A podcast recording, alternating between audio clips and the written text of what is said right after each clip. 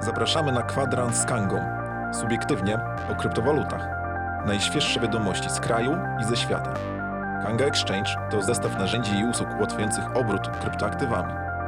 Ten podcast pozwoli Ci dowiedzieć się, co aktualnie dzieje się na rynku. Lipca 2020 roku imieniny obchodzą Wiktor i Tina. W Gdańsku mamy 28 stopni, przelotne opady, raczej będzie pochmurnie. Blok BTC 64 11 45, a to jest kwadrans Kango numer 3. Ja nazywam się Sławek Zawadzki, a moim gościem jest Łukasz, Łukasz Żeligowski. E, Łukasz, e, świat e mówi o wzroście wzrostach. Jakie wzrost, jakich wzrostów byliśmy świadkami aktualnie? No właśnie, ciekawy rajd Bitcoin nam zrobił. Zresztą nie tylko Bitcoin, bo i e, dużo altów poleciało do góry. Przekroczyliśmy tą magiczną liczbę 10 tysięcy dolarów za Bitcoina e, parę dni temu. E, a wczoraj nawet, czy parę godzin temu było już przekroczone 11 tysięcy. Jak patrzyłem, chyba 11 450 to był, była górka.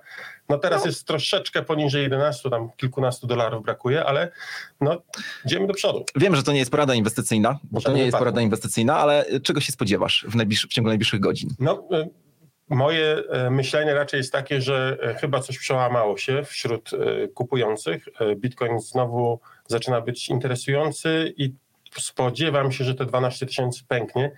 A jak czytam e, coraz więcej artykułów, które mówią o tym, że e, ATH zostanie e, przekroczone, mm. czyli te 20 tysięcy, no to faktycznie wygląda na bardzo, bardzo byczy, byczy czas dla Bitcoina. O tym, czy stosować analizę techniczną, czy może fundamentalną w stosunku do Bitcoina, dowiecie się oglądając najbliższy w najbliższy czwartek odcinek tokenizacja wszystkiego, ponieważ spotykamy się z Kamilem Ganciarzem, który, Gancarzem, który ma dużą wiedzę na temat analizy fundamentalnej i technicznej i tam taką dyskusję przeprowadzimy. E, no właśnie, a skoro e, mowa o tym, żeby być, e, bazować na, na analizach e, i żeby być w ogóle ostrożnym w tym wszystkim, e, to bardzo ciekawy komunikat pojawił się dokładnie tydzień temu po naszym kwadransie. Oto Bank Millennium wydał ostrzeżenie, wydał komunikat w stosunku do kryptowalutowych oszustów.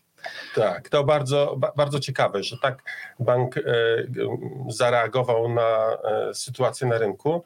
Zamiast rzetelnych informacji, ostrzega, krzyczy.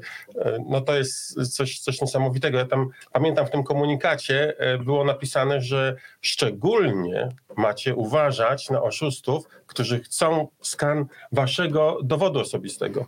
To jest po prostu nie, e, niesamowite, bo z jednej strony banki wymagają od nas tego, żeby weryfikować klientów przy pomocy dowodu osobistego, bo to nie, nie nasz wymysł jest, to KNF tak zaleca. Tak jest. A z drugiej strony mówią, o nie, ci co chcą dowód osobisty to są źli, to są niedobrzy. Dokładnie, więc w, w, w Kanga do końca nie wiemy, czy mamy się słuchać banków, czy samego KNF-u. Oczywiście słuchamy się KNF-u. Natomiast y, mamy pewien apel do wszystkich banków. Uważamy, że banki powinny ostrzegać nie przed oszustami kryptowalutowymi, ale generalnie przed wszystkimi oszustami, bo, y, y, no bo oszustów jest znacznie więcej. I my tutaj razem z Łukaszem kilku oszustów chcielibyśmy wymienić albo kilka ostrzeżeń wygenerować. I tak oto ostrzegamy na przykład przed skorumpowanymi prezesami KNF-u. Zaznaczamy, że nie mówimy, że każdy prezes KNF-u jest skorumpowany, natomiast ostrzegamy przed tymi, którzy skorumpowani są. Tak, ta afera wybuchła jakiś czas temu. Do tej pory chyba nic się nie wydarzyło konkretnego, ale ja bym ostrzegł za to przed tymi bankami,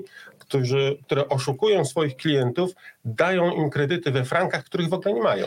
No właśnie, czy jakiś bank ostrzegł przed innym bankiem, który stosował ten proceder? No właśnie nikt, nie? A teraz przegrywają e, w sądach wszystkie, e, wszystkie sprawy.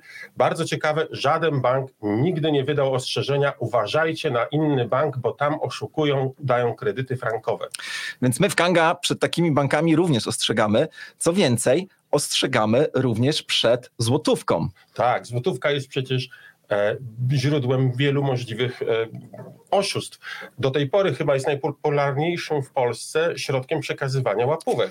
Tak mówią. E, próbowaliśmy oczywiście tylko i wyłącznie w warunkach laboratoryjnych skorumpować przed chwilą policjanta. Nie chciał bitcoina. Nie, zdecydowanie nie, nie, nie widział o co chodzi. A skoro mowa o naszym umiłowanym banku Millennium, no to zachęcamy również do samolustracji.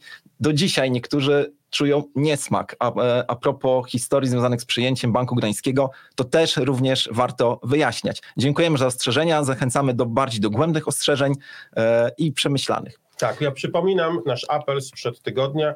Bardzo chętnie włączymy się jako Kanga do akcji takiej e, wyjaśniającej, która będzie uczyła ludzi, czym jest e, Bitcoin, czym są kryptowaluty, jakie są niebezpieczeństwa, bo są. Tak jak teraz widzieliśmy te wzrosty, to ja już w internecie widziałem cały wysyp e, tych wielkich analityków, którzy zachęcają ludzi do nieprzemyślanych inwestycji.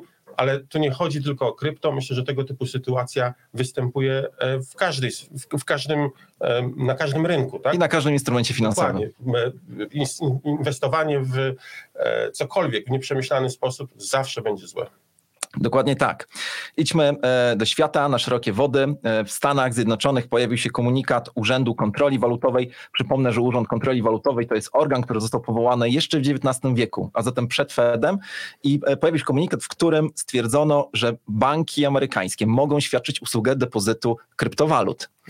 Jest to o tyle ciekawe, ponieważ z tego komunikatu wynika to, że ta usługa może być świadczona od 1988 roku. Ciekawe, co na to Satoshi.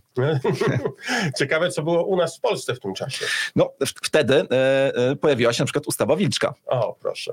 I chyba Radio Wolna Europa Przestała być zagłuszana. Tak. Także mamy pewne porównanie. A z czego wynika ta data, 1988 rok? No, bo wtedy pojawiła się ustawa w Stanach Zjednoczonych, która zezwalała na to, żeby, że banki mogą przechowywać aktywa cyfrowe. A aktywem cyfrowym, jak wiemy, jest również bitcoin i inne kryptowaluty. Czy Kanga cieszy się z takiego komunikatu?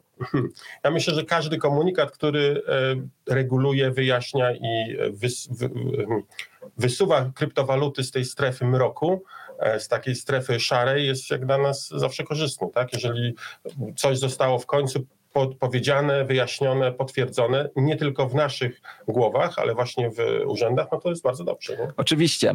E, e, Jest jeszcze drugi, e, drugi argument.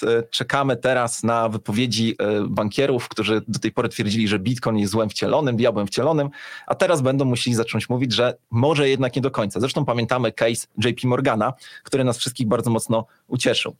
E, No, ale wracamy na nasze podwórko. E, Łukasz, co ciekawego wydarzyło się ostatnio w Kandze? No w Kandze to jak zwykle dużo się dzieje. E, Mamy ciągły nawał pracy. Może jednym z takich istotnych elementów jest to, że w końcu udało nam się wprowadzić drugiego operatora płatności.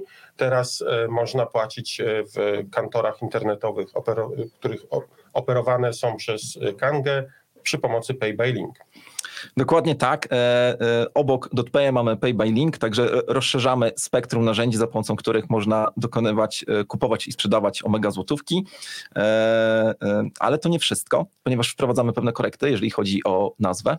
Tak, musimy. No, Sławek już zdradził, że chodzi tylko o nazwę. Przecież chodziło o to, żeby powiedzieć, że żegnamy się z Kangą, żegnamy się z Kanga Mobile. Nie będzie już Kangi Mobile. E, W tym tygodniu mam nadzieję, że uda się zaktualizować e, aplikację i w tym tygodniu będziemy mieli e, nową nazwę. To będzie Kanga Wallet, także aplikacja mobilna, dostęp do portfela Kangi przy pomocy aplikacji mobilnej będzie możliwy właśnie w aplikacji, która się nazywa Kanga Wallet, a nie już Kanga Mobile. Tak, przypominam, że wykorzystujemy Kanga Wallet e, między innymi do tego, żeby dokonywać transakcji w naszych kantorach stacjonarnych, których już niedługo będzie znacznie, znacznie więcej, o czym niedługo na pewno e, powiemy. Również w przyszłości będziecie mogli płacić w sklepach Kanga Wallet za pomocą kryptoaktywów i kryptowalut przechowywanych właśnie w portfelu Kanga Wallet. Jedną, jedną uwagę. Cieszymy się, że nas oglądacie, cieszymy się, że jesteście z nami.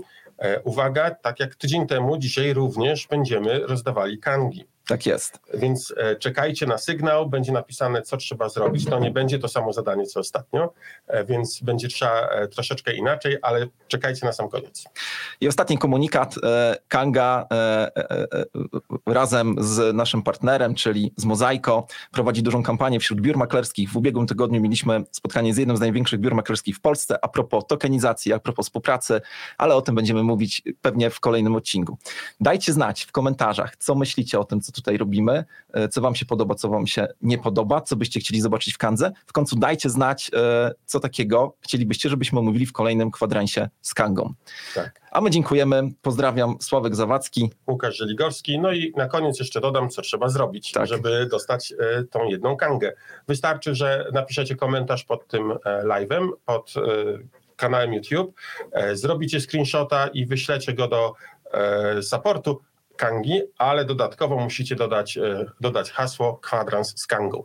I te osoby wszystkie, które zrobią coś takiego, dostaną jedną Kangę na swój portfel na Kanga Exchange.